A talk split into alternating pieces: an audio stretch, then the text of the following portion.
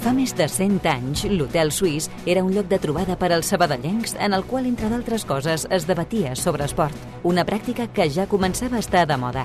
Un segle després, continuem amb aquell esperit històric d'una ciutat estretament vinculada a l'esport.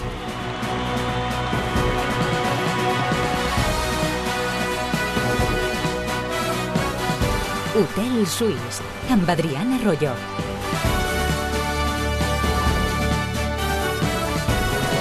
Què tal, com esteu? És dimarts, és dia 7 de març. Àlex Gualda s'ha guanyat amb les seves actuacions ser, com a mínim, motiu de debat. El Vizcaí ha participat en 5 gols aquesta temporada, 3 de manera directa, anotant-los, i dues assistències, malgrat haver jugat tot just el 27% dels minuts possibles. Hi ha dades que són molt significatives. L'ex del Tudelano no ha estat titular encara en miquillador i només ho ha fet en dos dels últims 20 partits. En les seves darreres actuacions, això sí, està destacant i preveient un partit amb baixes com el de diumenge contra el Real Murcia, per començar, Stals i Moja Keita estan sancionats, hi ha qui demana crits que Gualda tingui més minuts, més protagonisme. De seguida escoltem la resposta del tècnic sobre el rol que ha de tenir a l'equip, però insisteixo, amb el seu protagonisme en atac s'ha guanyat, si més no, ser motiu de debat. I què seria del futbol sense aquests debats de qui ha de jugar i qui no de titular? Tot l'esport de la ciutat, d'una a dues a l'Hotel Suís de Ràdio Sabadell. Un dia més al control de sol, Toni González. Què passa fora de l'hotel en un minut? L'Ossassuna ha demanat un aclariment al comitè tècnic d'àrbitres per l'anul·lació del gol d'Abde ahir per suposat fora de joc en el partit de Lliga en l'empat a 0 dels navarresos contra el Celta. Neymar Júnior esperta el que resta de temporada. L'atacant brasiler del PSG passarà pel quiròfan per una lesió al turmell. Avui, per cert, es decideixen les dues primeres eliminatòries de vuitens de final de la Champions. Partits de tornada a les 9, Benfica-Bruges, amb 0-2 a Bèlgica i Chelsea-Dortmund, amb 1-0 pels alemanys al primer partit. I també hi ha un partit de Conference, Lazio-AZ Alkmaar. A tres quarts de set s'avança per no coincidir amb la Roma, que rebrà la Real Societat dijous. Per últim, els Lakers retiren avui el dorsal, la samarreta de Pau Gasol. I aquí el programa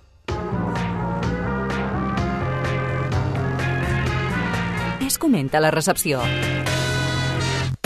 Parlarem d'entrada del paper d'Àlex Gualda al Sabadell, també de la nova posició de Cristian Herrera a l'esquema tàctic de Miquillador, una entrevista amb Adrián Hortolà, segona catalana, futbol sala o art Gracià Waterpolo, avui amb derbi femení, David de la Cruz o la presentació que s'acaba de dur a terme de les clàssiques de la Unió Ciclista. L'actualitat de la primera ref. Missatge de Fèlix Revuelta, el president de la U de Logroñés, a la seva afició demanant el suport a Calahorra.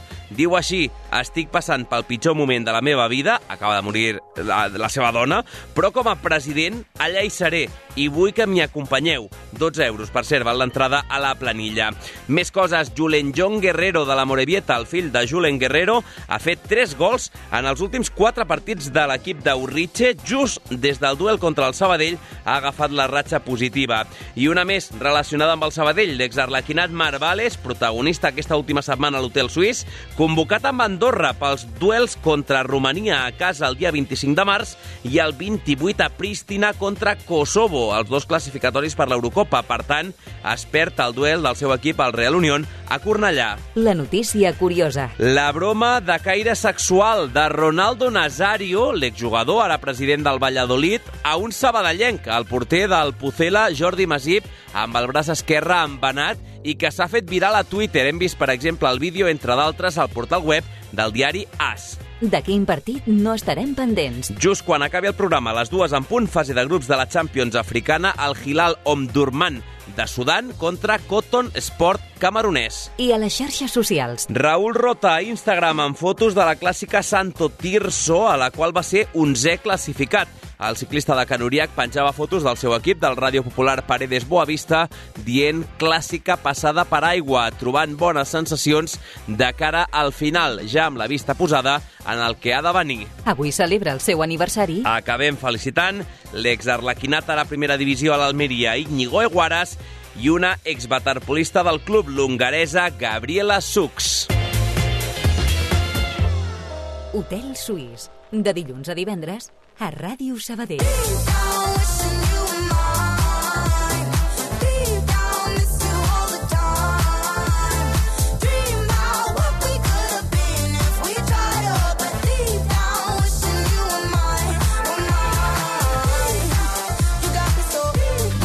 Minuts, encara no arriba per sobre de la una en directe a l'Hotel Suís del dimarts, dia 7 de març, un dia de relativa tranquil·litat, podríem dir, al Centre d'Esport Sabadell.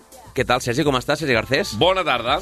En teoria eh, hem d'estar pendents, veurem si acaba arribant o no aquesta setmana, del famós expedient de, de Miqui Lledó. Mm, Et faig la pregunta de manera rutinària cada dia i avui, perquè no sigui menys, de moment pot seure, no, la banqueta? De moment pot seure i tot i que ahir va haver-hi un petit eh, amago, eh? va haver-hi un petit senyal de que podien arribar notícies en breu, tot apunta que si no hi ha una sorpresa molt gran, que això amb la Federació Espanyola ja saps com funciona, un dia et diuen una cosa i 10 minuts després ja te l'han contradit, uh, tot apunta que diumenge, si no passa res estrany, insisteixo, d'última hora, Miqui Lledó podria seure a la banqueta per dirigir el partit davant el Real Murcia. Per tant, ara mateix ha complert ja un partit i mig dels dos que li van caure única i exclusivament per l'expulsió, el Pepico Amat. Per tant, faltaria només que d'aquí a un parell de setmanes els 43 més l'afegit de la U de els vegi des de dalt de la tribuna arlequinada i no des de la banqueta i esperar a veure si arriben aquella famosa forquilla de 4 a 12 que encara estem pendents. Dic eh, dia de relativa tranquil·litat perquè avui té dia lliure la plantilla arlequinada, és el típic dia tonto de la setmana entre la ressaca de l'últim partit, d'haver sortit del descens, dels noms destacats, etc i ja començar a enfocar la mira cap al Real Murcia, en aquest cas. Sí, aquesta jornada de, de tranquil·litat i de desconnexió que tenen els jugadors del Centre d'Esport Sabadell, que, com dèiem ahir, després del viatge llarg, com a mínim en quant a horaris, eh, des d'Irun van poder fer una petita sessió de, de recuperació ahir a, a l'Olímpia, menys minuts, evidentment, pel que, pels que havien jugat a Stadium Gal, una mica més llarga pels que no havien tingut tants eh, minuts o directament no havien jugat davant el conjunt eh, Irundarra, però avui eh, descans per tots, menys els que ja per lliure van al gimnàs, que això també succeeix, i sobretot molt pendents eh, a partir de demà també de les recuperacions d'aquests noms propis dels quals anat parlant també al llarg de, dels últims dies, ja des de la setmana passada, és a dir, els Carrion, Atuman, Adam Gurdiel, algun contratemps que s'hi hagi pogut afegir després del partit de, del cap de setmana, però insistim, això ja serà a partir de, de demà quan tornarà l'equip a, la, a la feina, quan tornaran per començar a preparar, com dius, aquest partit davant el, el quadre murcià. Deixa'm fer un parèntesi, no té res a veure amb el centre d'esports, però una última hora que acabem de veure, Olaf Bildebur, entrenador assistent al CAR de Sant Cugat, ha comunicat la renúncia al seu lloc de treball per motius estrictament labor... eh, personals. Perdó. La Federació Espanyola de Natació parla d'aquest comiat, aquesta renúncia, del gran dels Bildebur, eh, agraeix l'Olaf haver viscut aquesta oportunitat de la federació i desitja molts èxits als nedadors espanyols. Per tant, eh, un període més breu del que esperàvem sí. de l'Olaf Bildebur, recordem que havia estat a Dinamarca durant molt de temps i que havia agafat aquestes regnes de la natació espanyola. Mm, tornem al centre d'esports. Un nom propi que ja ahir en van parlar, sobretot el tribuna preferent després també, el d'Adrián Hortolà, eh? Sí, un dels noms propis des de la seva arribada ja va donar molt de sí, sobretot per al debat, i ahir ho veiem de nou, com dius, en el tribuna, amb les diferents opinions de, dels oients, dels espectadors de, del programa, el debat ja inicial que va existir sobre si era necessària o no era necessària la, aquest reforç a la, a la porteria, llavors amb la presència del Víctor Vidal i del, i del Sergi Puig, abans de la sortida del, del Lleidatà, eh, precisament en aquest mercat d'hivern, arrel de l'arribada d'Hortolà, però com sigui que des de que s'ha fet amb aquesta titularitat el de Xavi Adri s'ha convertit en una referència i a més el que dèiem el mateix diumenge durant la Transmi i que s'ha anat allò agafant cos al llarg de les últimes hores, no? aquesta sensació de ser un d'aquells porters que no sé si dir que sumen punts, però segur, segur, segur que ajuden a sumar-los com es va veure aquest, per exemple, cap de setmana mateix en aquest partit davant el Real Unión Club. Un unicol ha encaixat, de moment. Sí, el gol d'Eldense, i a més des del, des del punt de penal, recordem aquella derrota eh, davant el líder de, del grup, aquell gol polèmic, sobretot, ja no tant per la jugada en si, sinó per tot l'enrenou que va haver-hi després eh, en el tram final de, de l'enfrontament i en el postpartit, però al final eh, ha deixat la porteria a zero en el mig partit jugat fins ara davant la UDL, veurem si el dia 22 s'acaba de confirmar tant de bo que sí, perquè això ja significaria que el Sabadell segur suma els 3 punts davant el conjunt de la Rioja, però en el seu primer partit complet deixant la porteria a zero ens hem de remuntar doncs, aquest cap de setmana on el Sabadell va aconseguir no encaixar cap gol davant el, un rival directe com era el Real Unión. Va ser un dels eh, destacats, el vau acabar votant com a MVP per segona setmana consecutiva, amb aquest parèntesi, amb aquest impàs del partit a mitges de la UD Logroñés, però ja havia estat triat per l'audiència de Ràdio Sabadell com el millor a Elda i a Irún va repetir per molt poquet, com dèiem ja ahir amb Cristian Herrera i amb Àlex Gualda aquí amb un frec a frec a tres bandes, però al final el porter de Xàbia va acabar imposant-se i per tant segon MVP consecutiu per ell i després del partit a Terres i Rondarres el mateix Sergi Garcés va poder tenir aquesta conversa amb un dels noms més de moda, més protagonistes de les últimes setmanes aquí al Centre d'Esport Sabadell, Adrián Hortolà. Amb l'Adrián Hortolà. Adrián, bona tarda. Hola, bona tarda. No em puc estar de, primer de felicitar-vos, de felicitar-te. Ha, ha costat més del que pot semblar i mira que el partit per moments ha estat molt i molt controlat. Sí, sí, sí, bueno, ja sabíem a, el partit que teníem que jugar i bueno, és un camp molt complicat, un, un rival complicat que, que també està una mica en la, en la mateixa situació que nosaltres, però bueno, al final hem pogut sumar els tres punts que, que venim treballant i molt contents per això. I això que sempre es diu, en la casa del porter és allò de dir, sempre tothom parla, un porter ha de sumar punts, ha de donar punts. És evident que avui veient el, el partit, Adrián Hortolà ha donat punts o ha ajudat a que es sumin aquests punts.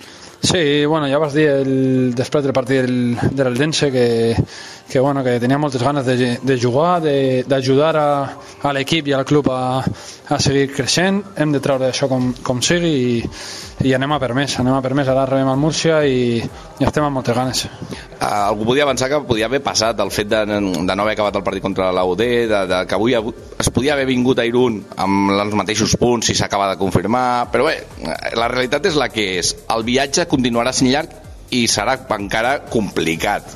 Sí, està clar, queden no sé si 12, 13 jornades, no? i, i bueno, queda, queda un món encara per, per jugar crec que la línia que hem de seguir és aquesta que, que hem fet avui al camp de l'Irun que és un camp molt complicat i, i bueno, com ja et dic, hem de seguir treballant, hem de seguir junts i, i tots a una. Des de la teva experiència, és precisament això el que li falta a l'equip, un punt de tranquil·litat. Ja sé que és difícil, perquè quan et veus allà en la zona complicada, a tothom li entren les presses, els nervis, el, la por a equivocar-se, a no equivocar-se, si tinguéssim aquest punt de calma, creus que la cosa aniria... no seria tan petit tot plegat? Bueno, és una situació complicada. Al final, com vam comentar, l'equip és molt jove, té moltes ganes de, de seguir millorant i de seguir guanyant, que això és important i bueno, des, de la, des del meu punt de vista pues, aportar-los aquesta, aquesta experiència que tinc i, i ajudar-los en el màxim possible.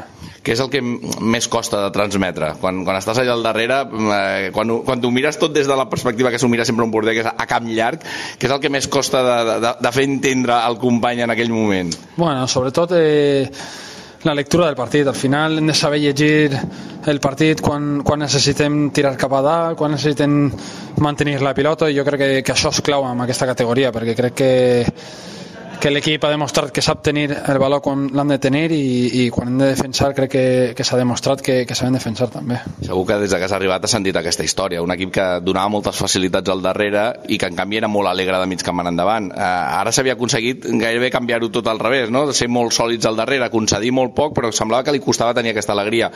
En aquests dos últims compromisos, l'estona de, de Logroñés, el partit complet d'Irun, uh, ha donat la sensació de que l'equip començava un altre cop a, a estar bé en les dues dues àrees. Sí, sí, al final també això és la, una mica la, la situació en la que, en la que l'equip veníem i tal, que, que lo que comentàvem, al final ser un, un equip tan jove pues, igual, igual costa una mica més, però bueno, ja hem vist que, que, dom, que dominem les dues facetes i, i hem de seguir treballant perquè queda, queda molt encara.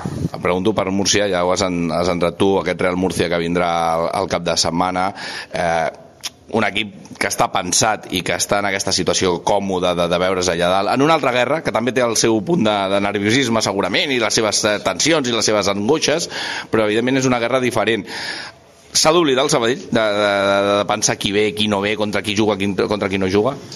Bueno, jo crec que hem de seguir en, aquesta setmana amb la línia que venim, que venim fent. Hem de treballar dia a dia per a intentar plantejar el partit el millor possible per a, per a que els tres punts eh, es queden a casa. Juguem davant de la nostra gent. Crec que serà un partit molt bo on, on anime que vinguin tots els arlequinats a, a casa a donar suport perquè, perquè bueno, al final és un, un partit més eh, si sumem tres punts ja crec que podem seguir mirant partit a partit, però bueno, al final ja ho veus des d'un altre punt de vista.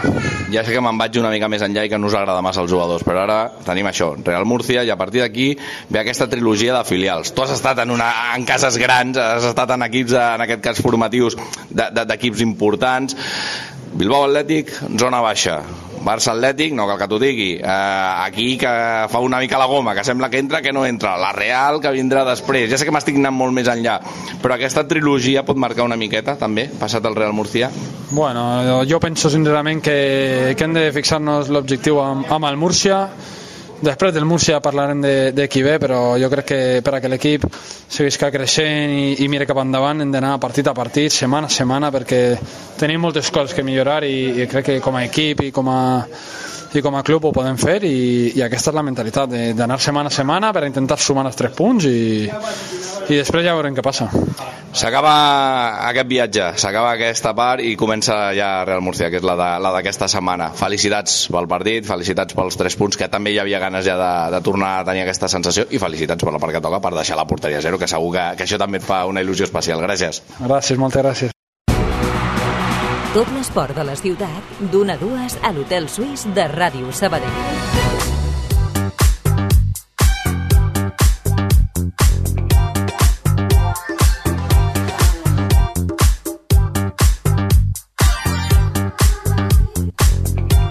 Adrián Hortolà, el nou propietari de moment de la porteria arlequinada i amb aquest bon regust d'una porteria a zero, de sostenir l'equip a Irún quan ho va necessitar i de transmetre aquest punt de seguretat que està transmetent en els seus primers partits com a porter arlequinat. Seguim amb més noms propis, Sergi, o què? Som-hi. Vinga, Cristian Herrera. O sigui, al final no tampoc hem descobert la, no. so, la sopa d'all, eh? No, no. O sigui, els tres que l'audiència de Ràdio Sabadell van estar a punt de donar-li l'MVP són els tres que avui portem al programa. Sí, i en aquest cas estem parlant, al igual que Adrián Hortolà, d'un altre nom propi de, del mercat d'hivern de les quatre incorporacions, comptant a Ricard Pujol i a Raül Baena, potser el de Torrox, bé, potser no, el de Torrox el que menys oportunitats ha, ha tingut eh, fins ara, encara aquest procés d'adaptació i d'acabar d'agafar la, la forma. El que més temps necessitava, sí, també. Sí, també és veritat. Uh, Cristian Herrera ja i Hortolà, a Ricard ja a Pujol ja el teníem una mica més rodat, per dir-ho així.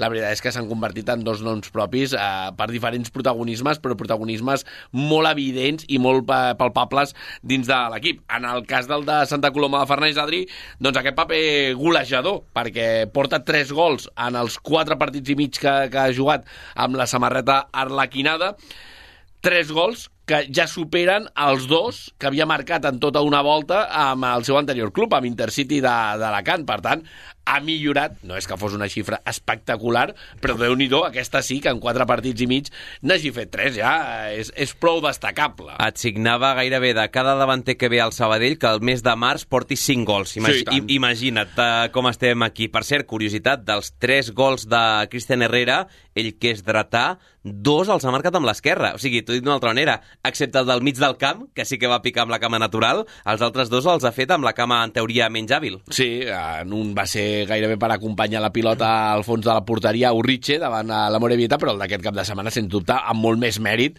perquè s'havia de posar allà. La centrada d'Àlex Gualda és veritat que és allò que es diu un carmelet, però després eh, s'havia d'evitar de, l'estirada de, de John Irazusta, i ho va aconseguir en aquest cas eh, Cristian Herrera. Igualment, no parlem tant del seu rendiment golejador avui, sinó d'una de les novetats introduïdes a terres eh, guipuscoanes per Miqui Lladó, que és el canvi de rol, el canvi de posició en el camp de Cristian Herrera, que el van veure d'allò que havíem vist fer ja a Pau Víctor, un jugador ofensiu, però que completa el tribot del mig del camp com a interior. Per tant, en aquest canvi de rol, Pau Víctor va jugar més a prop de l'àrea, acompanyant a Moja Keita, i per dins, eh, el que els argentins coneixerien com a enganxe, Cristian Herrera. Eh, no cal dir que arribant des de segona línia va fer l'únic gol del partit, per tant, eh, no, no li hem tret pólvora amb aquest canvi de posició, però sí que n'hem parlat amb els dos protagonistes d'aquesta decisió. Sí, eh, fent de 10, eh, allò que, que es diu, i més en el seu cas eh, coincidint amb la samarreta, jugant en aquesta posició del 10, doncs eh, la veritat és que Cristian Herrera va complir, i va complir també amb aquest paper. I li preguntàvem això al final de, del partit una miqueta per aquest canvi, per aquesta modificació, també pel seu nou rol o el, el seu nou mm, joc dins del que és l'esquema de, de l'equip, i ho deixava molt clar Cristian Herrera. Primer, confirmant que tot havia partit d'una conversa personal amb el Miqui Lladó on els dos havien exposat situacions i on el propi futbolista Adri va ser el que li va fer veure al míster aquesta possibilitat de jugar, d'obrir-se a, un nou a un nou escenari i en el qual, de moment, les coses han funcionat. Per les meves característiques com a jugador, doncs, sóc un, un jugador polivalent que puc jugar a unes quantes posicions i bé, parlant, eh, parlant amb el míster doncs, ho van valorar no? perquè també doncs, entrés més en joc, eh, més en contacte amb la pilota.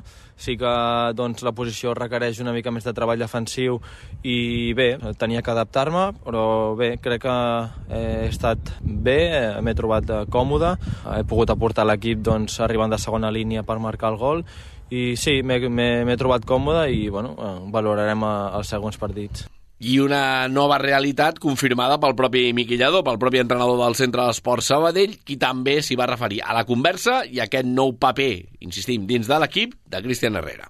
És una cosa que vam parlar també ell i jo i, i em comentava que, que podíem provar aquesta posició on ell, no, doncs, al ser un jugador de, de bon peu i, i que rep entre línies, doncs també s'hi pot trobar còmode.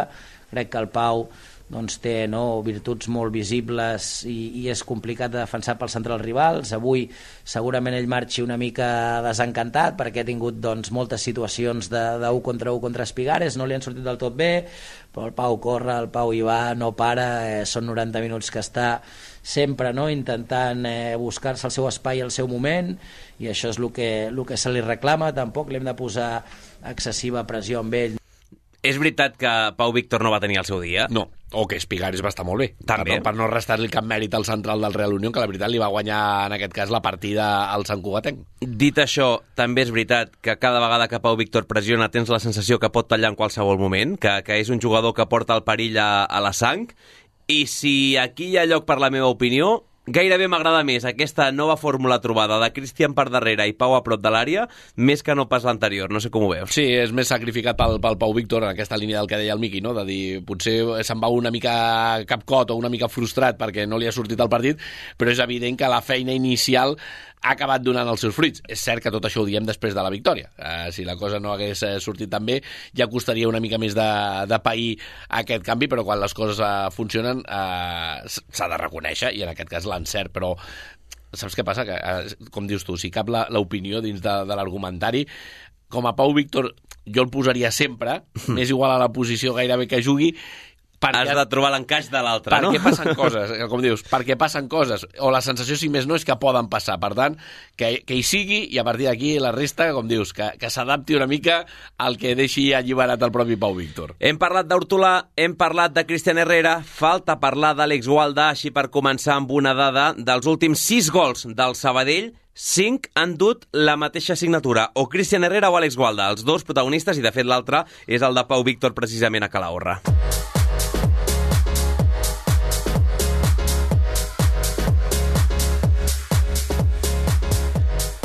En el paper d'assistent, aquesta vegada el Bilbaí, és veritat que repetint una altra vegada suplència, però un cop va entrar va portar-li una marxa més a l'equip i és evident que està, si no tombant la porta, com a mínim demanant a crits que aquest debat estigui obert des de fa temps i que el seu protagonisme, parlo de l'ex Gualda, vagi cada vegada més, Sergi. Sí, i segurament intentant fugir de l'etiqueta de revulsiu, eh? aquella que no agrada a cap jugador, perquè denota, Difícil, eh? de, denota que tindràs oportunitats, denota també que no jugaràs d'inici en, en els diferents partits, perquè sempre tindràs el teu moment a partir del minut 55, minut 60, minut 65, aproximadament aquella última mitjoreta, però ara com ara és la que més i millor està explotant Àlex Gualda, que sempre diem el mateix. Quan surt, la veritat és que surt a demostrar coses i surt amb el que segurament tots els entrenadors volen, que és que assumi i aporti el que entra des de la banqueta com a refresc. Ho ha fet amb gols, com dius, ho ha fet amb assistències, la última, la d'aquest passat cap de setmana, i obre aquest debat, aquest trucar a la porta, obre el debat de què més ha de fer Àlex Gualda per poder tenir més minuts o fins i tot per haver-se guanyat algun dia la titularitat dins de l'equip d'entre d'altres circumstàncies, perquè a banda de l'assistència de gol a Cristian Herrera, és que va tenir el 0-2 a les seves botes, i si no arriba a ser per una intervenció boníssima d'Irazusta... I al pal. I, i al pal posterior a, a hagués significat el 0-2 i segurament la tranquil·litat de tots plegats. Tornem a dir, què ha de fer Àlex Gualda perquè Miqui Lladó conti més amb ell? Doncs bé, no li preguntem al Basc, li preguntem al míster, que és el que té l'última paraula. L'Àlex porta partits sortint des de la banqueta i, i firmant molt bones actuacions, realment està, està picant no? a la porta de, de la titularitat, també a vegades són rols no? I, i com et sents tu, jo crec que ell ara en aquest paper de, de 25, 30, 35 minuts doncs, doncs l'està assumint bé, m'imagino que no el vol, eh, però, però l'està assumint bé i, i l'està assumint amb una professionalitat eh, eh, doncs molt visible i, i doncs, des d'aquí no, a, no disculpar-me perquè les decisions es prenen, però, però demanar-li paciència, demanar-li que treballi, demanar-li que, que segueixi igual com és ell. Demà, de fet, si vols, li pots preguntar I també, tant. perquè Àlex Gualda demà serà qui compareix en roda de premsa, eh, gairebé dos quarts de, de dues. Eh, tinc unes quantes estadístiques per aquí i la veritat és que són bastant cridaneres, eh, d'Àlex Gualda. m'imagino. O, o no. Oh. Home, en, en quant a minuts jugats no gaire. No, bueno, clar, evidentment, això ja, ja ho sabem, però en quant a aprofitar aquests minuts... Mira, no arriba a 650 minuts. És a dir, estem parlant del 27% del total. Per dir-ho d'una altra manera, Pelayo, que va marxar al mercat d'hivern, ha jugat més minuts aquesta temporada amb el Sabadell que Àlex Gualda. En aquests 646 minuts, 3 gols i dues assistències. És a dir, participa en un gol, sigui directament o fent la passada, cada 130 minuts. Per tant, estem parlant d'un minu... eh, partit i mig sencer. Uh, no ha estat titular encara amb Miqui Lladó, en cap dels partits de, del Sant Cugatenc a la banqueta Gualda ha sortit d'inici, i de fet no ho és des de Múrcia, des del partit de la primera volta, l'Enrique Roca... El dia de la revolució, no? I el dia que surt assenyalat perquè s'equivoca en una sortida de pilota i costa un gol de l'equip grana. Si treus, i amb això ho remato, les sis primeres jornades de Lliga, on sí que Alex Gualda va tenir protagonisme, dels últims 20 partits, per tant no només parlem de Miqui Lladó, sinó de Miqui Lladó més Gabri Garcia en el seu tram final, de 20 partits, només dues titularitats. O sigui que al final el rendiment és evident, que cada vegada que surt passen coses és evident, també et dic que alguna cosa ha d'haver-hi si en 20 partits dos úniques titularitats del, del de Bilbao. Jo per trobar-li una raó, l'únic que explicaria per mi que Àlex Gualda no tingui més participació és potser allò que no es veu tant en registres ofensius, de gols, d'assistències, etc, sinó la feina sense pilota, que és el que pot penalitzar una mica més el Vizcaí. Però és evident, i més si a sobre no hi és Moja Keita ni Estals aquesta setmana, que potser és un bon dia, amb el permís d'Alberto, per exemple, que també podria recollir el testimoni de, de Moja Keita, de Sergi Garcia, que juga molt més obert a banda i amb aquest esquema eh, surt de lesió i veurem quin ha de ser el seu encaix, però vaja, que, que Àlex Gualda està demanant aquí és una oportunitat. Sí, sí, sí, sí perquè els números, com dius, eh, com a mínim en quant a presència en els metres finals és, és evident i és un jugador que segurament aquesta última passada o aquesta visió d'última acció prèvia a gol la té molt i molt interioritzada. Però bé, en tot cas, eh, crec que demà és l'oportunitat de perfecta, com a mínim, per escoltar-lo una estona, per eh, escoltar-lo aquí en directe, que així serà a l'Hotel Suís, i per saber també quines són les seves sensacions després d'aquests bons números, no de minutatge, però sí de, de participació activa en aquests minuts del jugador de, de Bilbao.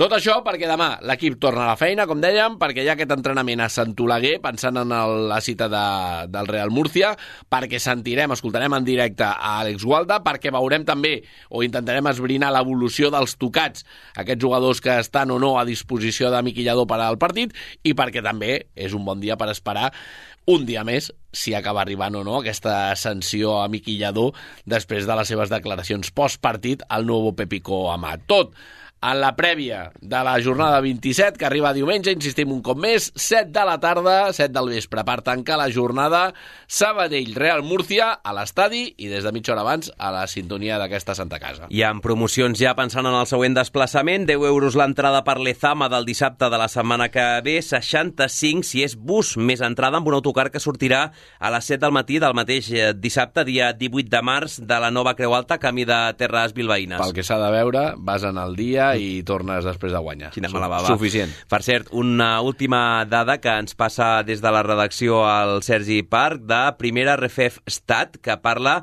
dels equips més en forma d'aquest 2023. El Sabadell seria l'11è, però amb un partit menys. Si el guanya, que de moment l'està guanyant, el Sabadell, agafant només números del 2023, estaria dins del playoff.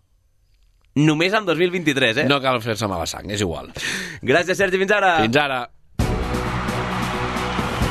Hotel Suís, d'una a dues, a Ràdio Sabadell.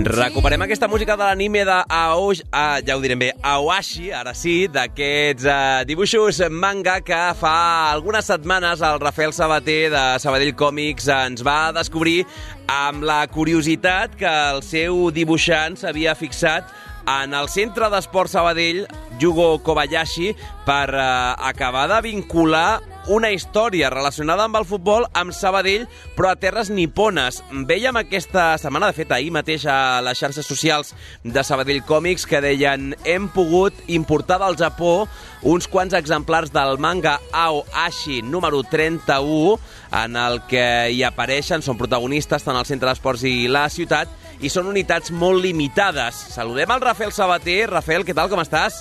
Hola, bona tarda, què tal, com estem? Tan, Bé, bé. tan limitades com que van volar ràpid, pel que em vas dir, no?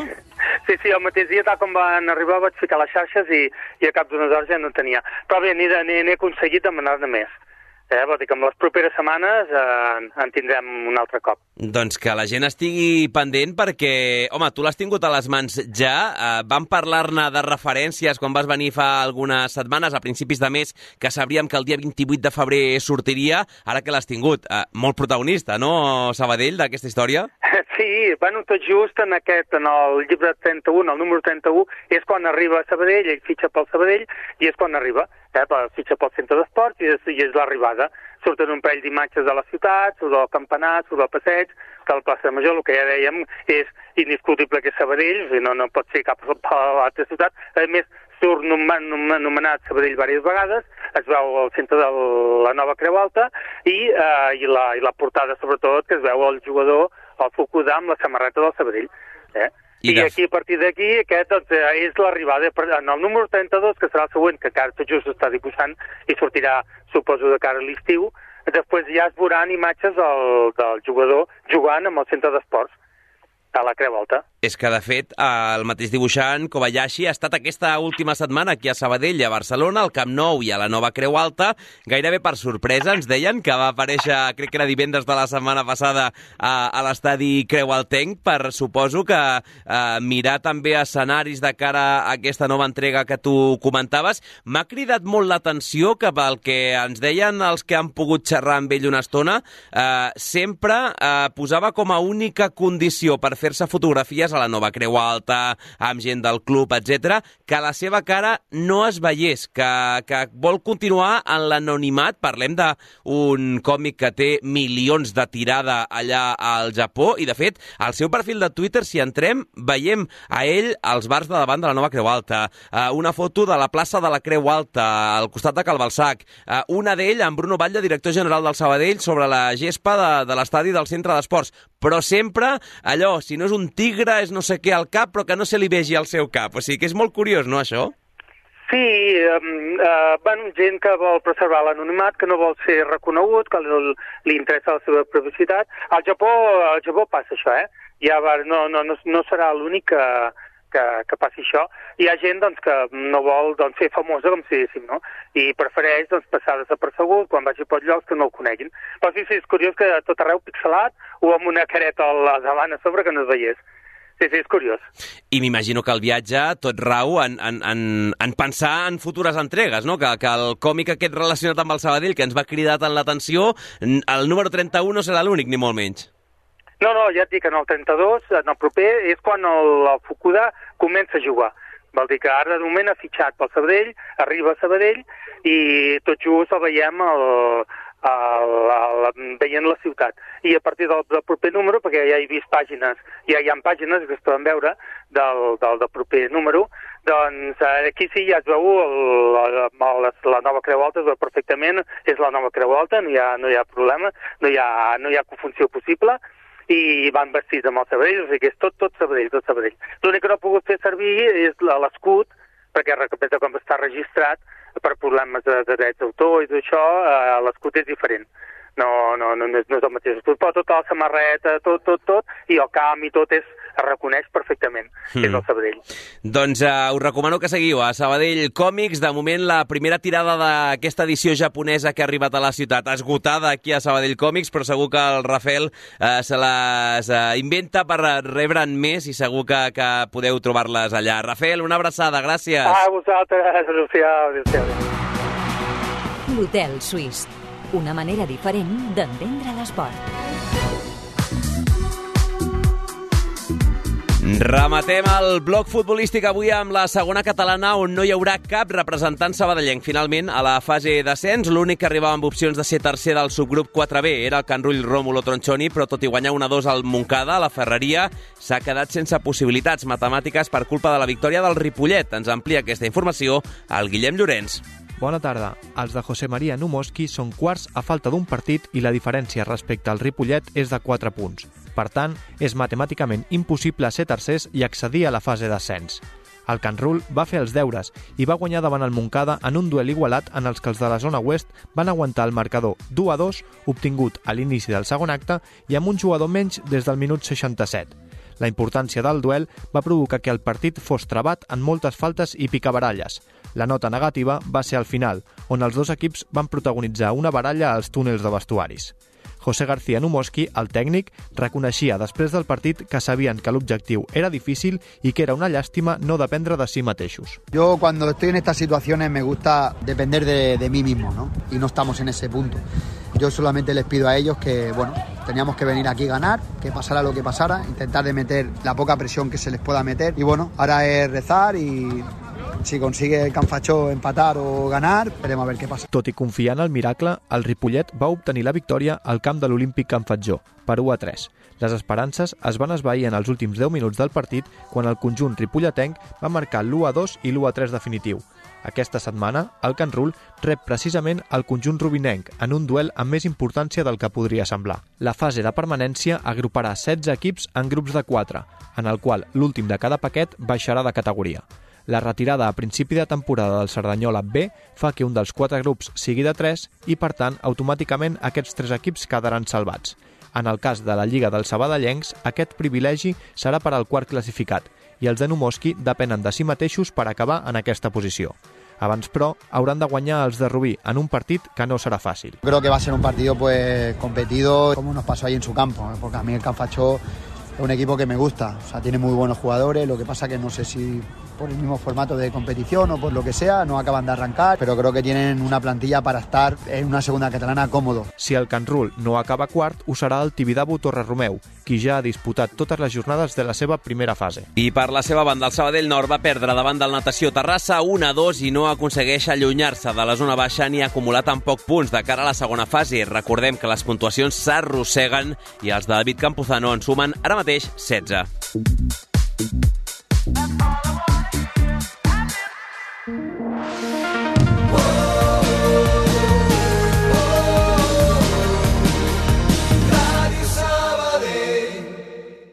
Agafa l'autobús. Viatja amb l'Atus. Trajectes més ràpids i directes, més connexions entre barris, nous horaris per afavorir l'intercanvi entre línies. Estalvia temps. Estalvia diners. Agafa l'autobús. TUS, Transports Urbans de Sabadell. Ets un panarra. T'agrada el pa de debò? Cruixent, amb molla esponjosa i l'aroma de l'autèntic pa. A Valero també som uns apassionats del pa. Del pa de veritat, del de sempre, del que vam aprendre a fer fa més de 60 anys. Per això, elaborem les nostres especialitats com abans, respectant la tradició, perquè puguis tornar a gaudir del plaer de menjar pa. Perquè a Valero som forners. Som del Sabadell. D'una a dues, l'Hotel Suís, a Ràdio Sabadell.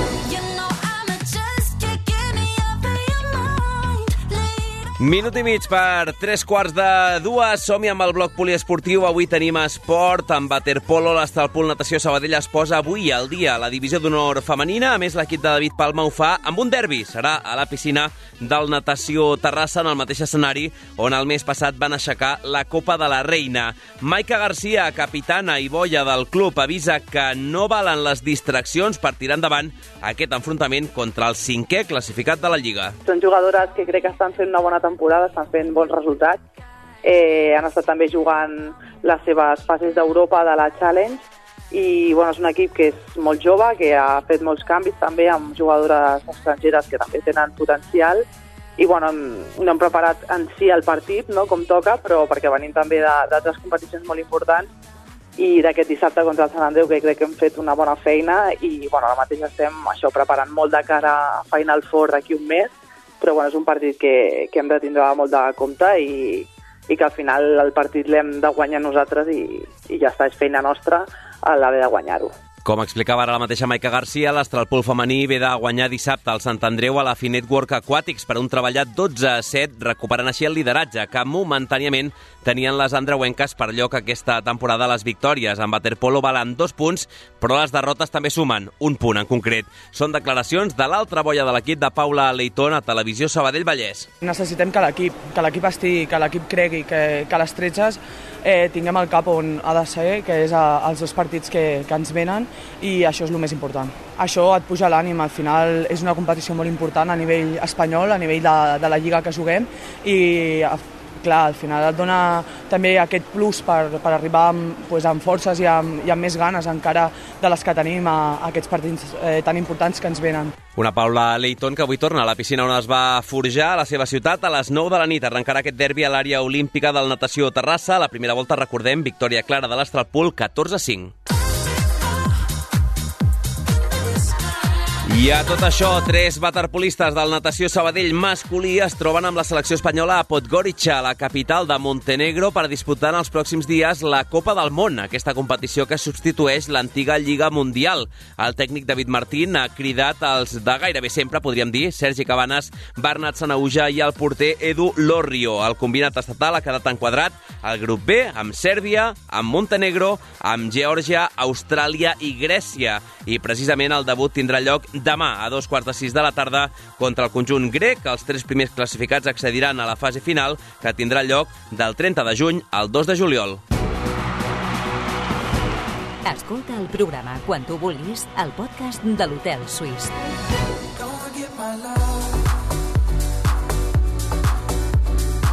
Aquesta nit, derbi de waterpolo femení i fa aproximadament una hora s'ha dut a terme la presentació de les dues clàssiques de la Unió Ciclista Sabadell que tornen aquest cap de setmana al Centre Cívic de Calbalsac i hem tingut el Pau Vitorí, home ciclisme també, amb el permís del waterpolo eh, i, i futbol americà. Si és que Sí, és el que un, un tio polivalent. Com estàs? Hola, molt bé. Ja de tornada. Mm, De tornada d'aquesta presentació, anem ja per la 52a edició del trofeu Joan Escolar. Les xifres parlen per elles soles de la tradició, de com és de, de ben encertat el concepte clàssica amb aquest tipus de proves i, sobretot, diumenge, l'endemà, 93è Campionat de Sabadell de ciclisme. Sí, com els hi agrada recordar als membres de la Unió, estem parlant de la cursa, aquesta segona d'un dia més antiga de tota Catalunya i la quarta del calendari estatal, eh? Déu-n'hi-do. A veure, va, per posar ordre, dissabte el Joan Escolar, això no, no canvia, són 106 quilòmetres i un desnivell positiu acumulat de 1.320 metres, i diumenge aquest campionat de Sabadell de 130 quilòmetres i 1.657 metres de desnivell positiu. Totes dues curses que recuperen enguany els tradicionals recorreguts que s'havien modificat l'any passat eh, per allò del centenari de la Unió Ciclista Sabadell, però amb un petit canvi al campionat de Sabadell, i és que inverteix el sentit. Primer, passa, després de passar, evidentment, tota la carretera que va fins a Sant Llorenç, doncs passa per Artés, Avinyó, per acabar tornant per Mollà i Calders. És a dir, fa el sentit horari, de normal feia el sentit contrari a les agulles del, del rellotge. Però sobretot, sobretot enguany, una particularitat pel que fa a aquests dos recorreguts que ha explicat a la presentació el president de la Unió Ciclista, l'Antoni Soler. Aquest any tenim una coincidència que és prou significativa, com és que, com bé sabeu, el, el dia 23 hi ha l'arribada d'una etapa de la Volta a Catalunya aquí a la nostra ciutat i des de, des de Mollà fins a, fins a Sabadell eh, fan el mateix recorregut que les, que les nostres curses. Vol dir que, bueno, és un, és un bon banc de proves. 20 i pico equips un bon banc de proves, no sé si dir-li també un assaig, un tastet, el que tu vulguis, Pau, però també, no només per nosaltres, també per l'organització, perquè recordem que cap dels participants prendrà part de la Volta a Catalunya, però tot i així, déu nhi el nivell. Sí, recordem que, que al final no són, no són equips eh, els que participen al Joan Escolar i al Campionat de Sabadell que formin part del que siguin del World Tour, que siguin Pro Tour o, o continentals, eh, però vaja, que, que venim d'un parell d'anys. Tu recordaràs bé, Adri, el 2021 es va imposar el sabadellenc Raül Rota al Joan Escolar. Sí, sí. Ara... Va guanyar a casa. Correcte, ara el tenim a un continental portuguès. Uh, I l'any passat va fer doblet el rus Gleb Siritsa, que ara és company de David de la Cruz a l'Astana. Per tant, hem tingut bons guanyadors en els últims anys aquí a la ciutat. Uh, el cas és que hi haurà 200 ciclistes cada dia, tant el Joan Escolar com el Campionat de Sabadell. Al final és el topall que, que marca la normativa de, de l'UCI. I, a més, és l'inici de la temporada de grans clàssiques de la Federació Catalana i això també doncs, garanteix una bona participació. Però vaja, et faig així un, un resum ràpid. Hi haurà tres equips francesos, un de Mònaco, un dels Estats Units, un altre dels Països Baixos, algun membre deien també des de l'organització de l'equip Bahrein, uh, tres gallecs, dos d'Alacant, dos de l'Aragó, un de Cartagena, aquest uh, Globalia Zamora Enamora, uh, on hi tenim els també sabadellencs David Domínguez i Òscar Rota, el Club Ciclista Catalunya novament amb aquests uh, ciclistes uh, russos que no poden doncs, competir amb, amb una altra llicència. Bé, la intenció de, de l'organització, uh, amb aquests recorreguts que ara en parlàvem, és que en la mesura del possible no hi hagi un final massiu, perquè recordem que és un, un recorregut doncs, certament trencacames. Uh, però admet l'Antoni Soler que això cada vegada és més complicat perquè les estructures s'assemblen cada cop més a les del World Tour. 20 i pico equips, el que us deia abans, el control de la carrera és, eh, és un marcatge mm, a l'home. Eh? I llavors això sí que és veritat, jo, com que vaig dins de la cursa, vas veient, vas escoltant per Ràdio Volta que les escapades un minut, un minut i mig, un minut 45 i a partir d'aquí ja no, ja no, ja no van a més i, i després en un moment donat veus que, ostres, els, eh, amb, amb molts pocs quilòmetres els, els hi controlen el- l'escapada.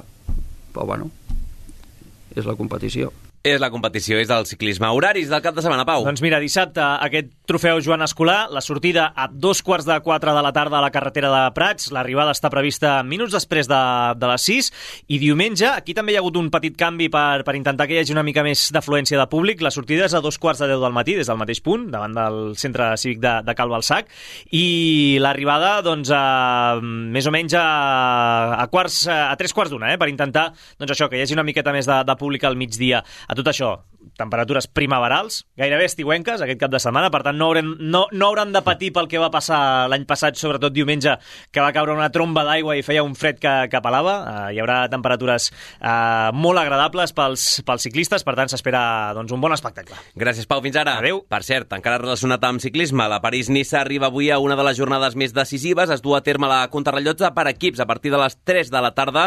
32 quilòmetres de recorregut amb sortida i arribada a Dampierre en Burlí.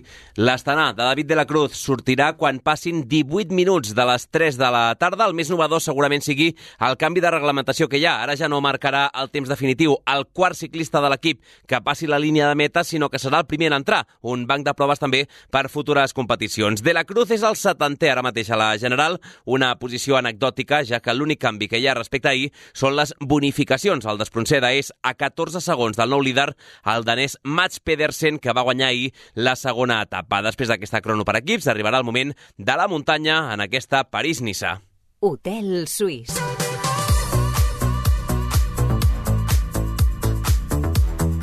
I en handbol, l'Oar Gràcia masculí ha encetat el tram de calendari més assequible amb una còmoda victòria 40-28 davant del Banyoles. Els de Pere Allats es van refer de la dolorosa derrota de la setmana passada amb un final de partit plàcid perquè fins ben entrada la segona meitat els del Pla de l'Estany, que han caigut en descens amb aquesta derrota, es van resistir a rendir-se. Ho explica l'extrem Lluís Marrugat, autor de 7 gols. Quasi al final jo diria que bueno, teníem molt clar que, que havíem de córrer, que era un partit que si corríem el guanyàvem segur, bueno, segur, molt, moltes possibilitats de que el guanyéssim, i, i al final ja es notava que, que ells no els hi aguantava les cames i, i vam poder acabar guanyant bé. Per la resta de la jornada en aquesta primera nacional masculina s'esperava que el líder destacat, el Granollers B, pogués donar un cop de mà en la seva visita al Sant Cugat, però els Sant Cugatencs es van endur el duel per la mínima amb un gol en els últims instants.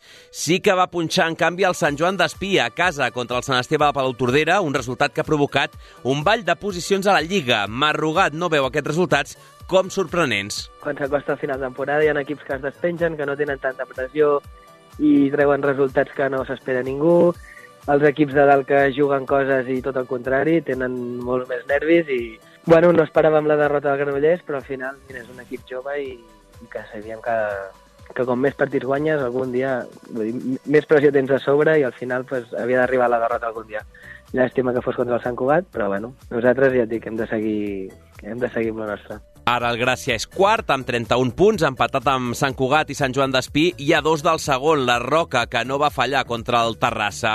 Una mica per darrere arriba la Salle Moncada, amb 30, que van sopegar contra el rival d'aquest dissabte de l'Oar, el Sant Esteve Sarrovires. El femení gracienc, per cert, rebrà diumenge al carrer Bocaccio l'emposta després de descansar aquest últim cap de setmana.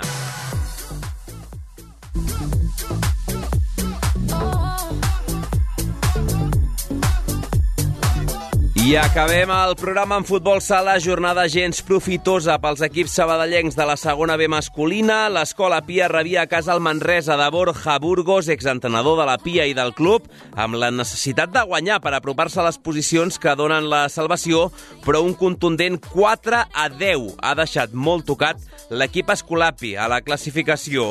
Burgos ha explicat com va ser la seva tornada, la que va ser casa seva en el seu dia. Sempre aquí vaig estar molt a gust, molt content, la relació amb els jugadors és excel·lent.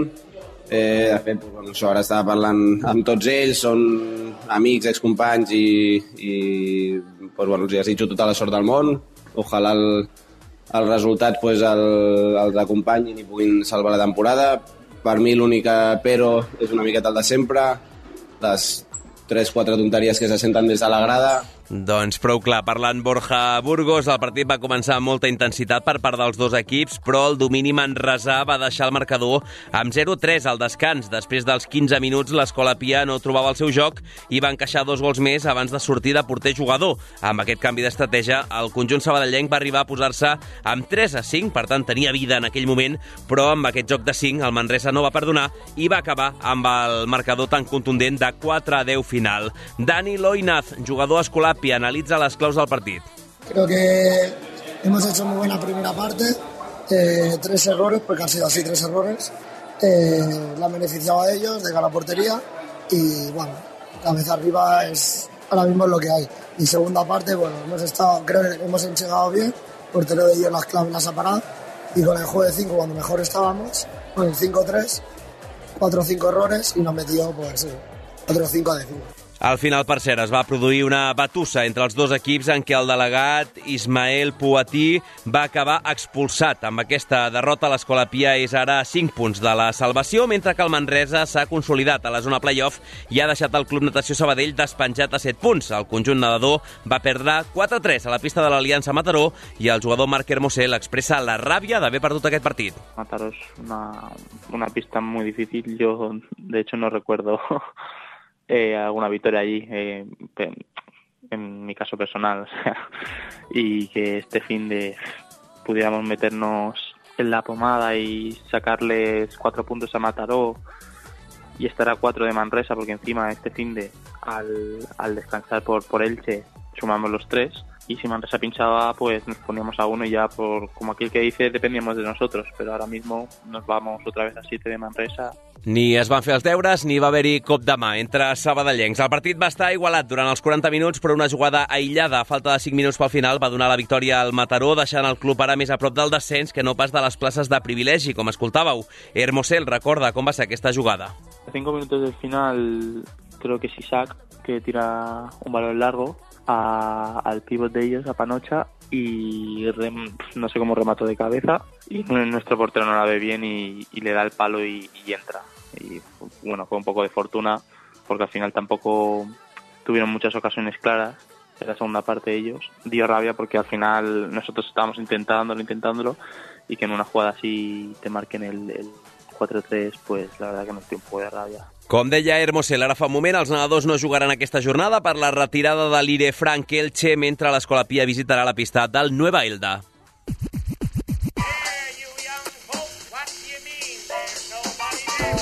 Demà dimecres, aquí a l'Hotel Suís, escoltarem en directe la roda de premsa del migcampista del Sabadell, Àlex Gualda. Tindrem un altre migcampista ex del Sabadell i rival dels arlequinats aquesta setmana, l'ara jugador del Real Murcia, Sergio Aguza, i a més de tot això, una mica de bàsquet, de vòlei, de tenis taula, de rugby o l'Espanya-Suècia d'handbol, com sempre amb representació sabadellenca.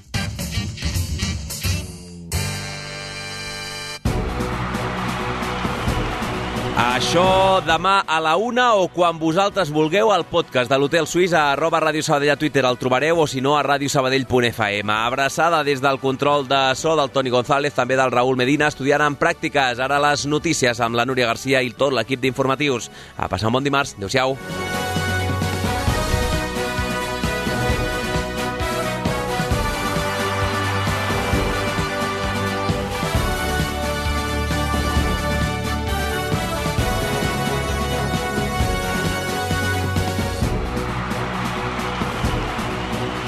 Tot l'esport de la ciutat, d'una a dues a l'Hotel Suís de Ràdio Sabadell.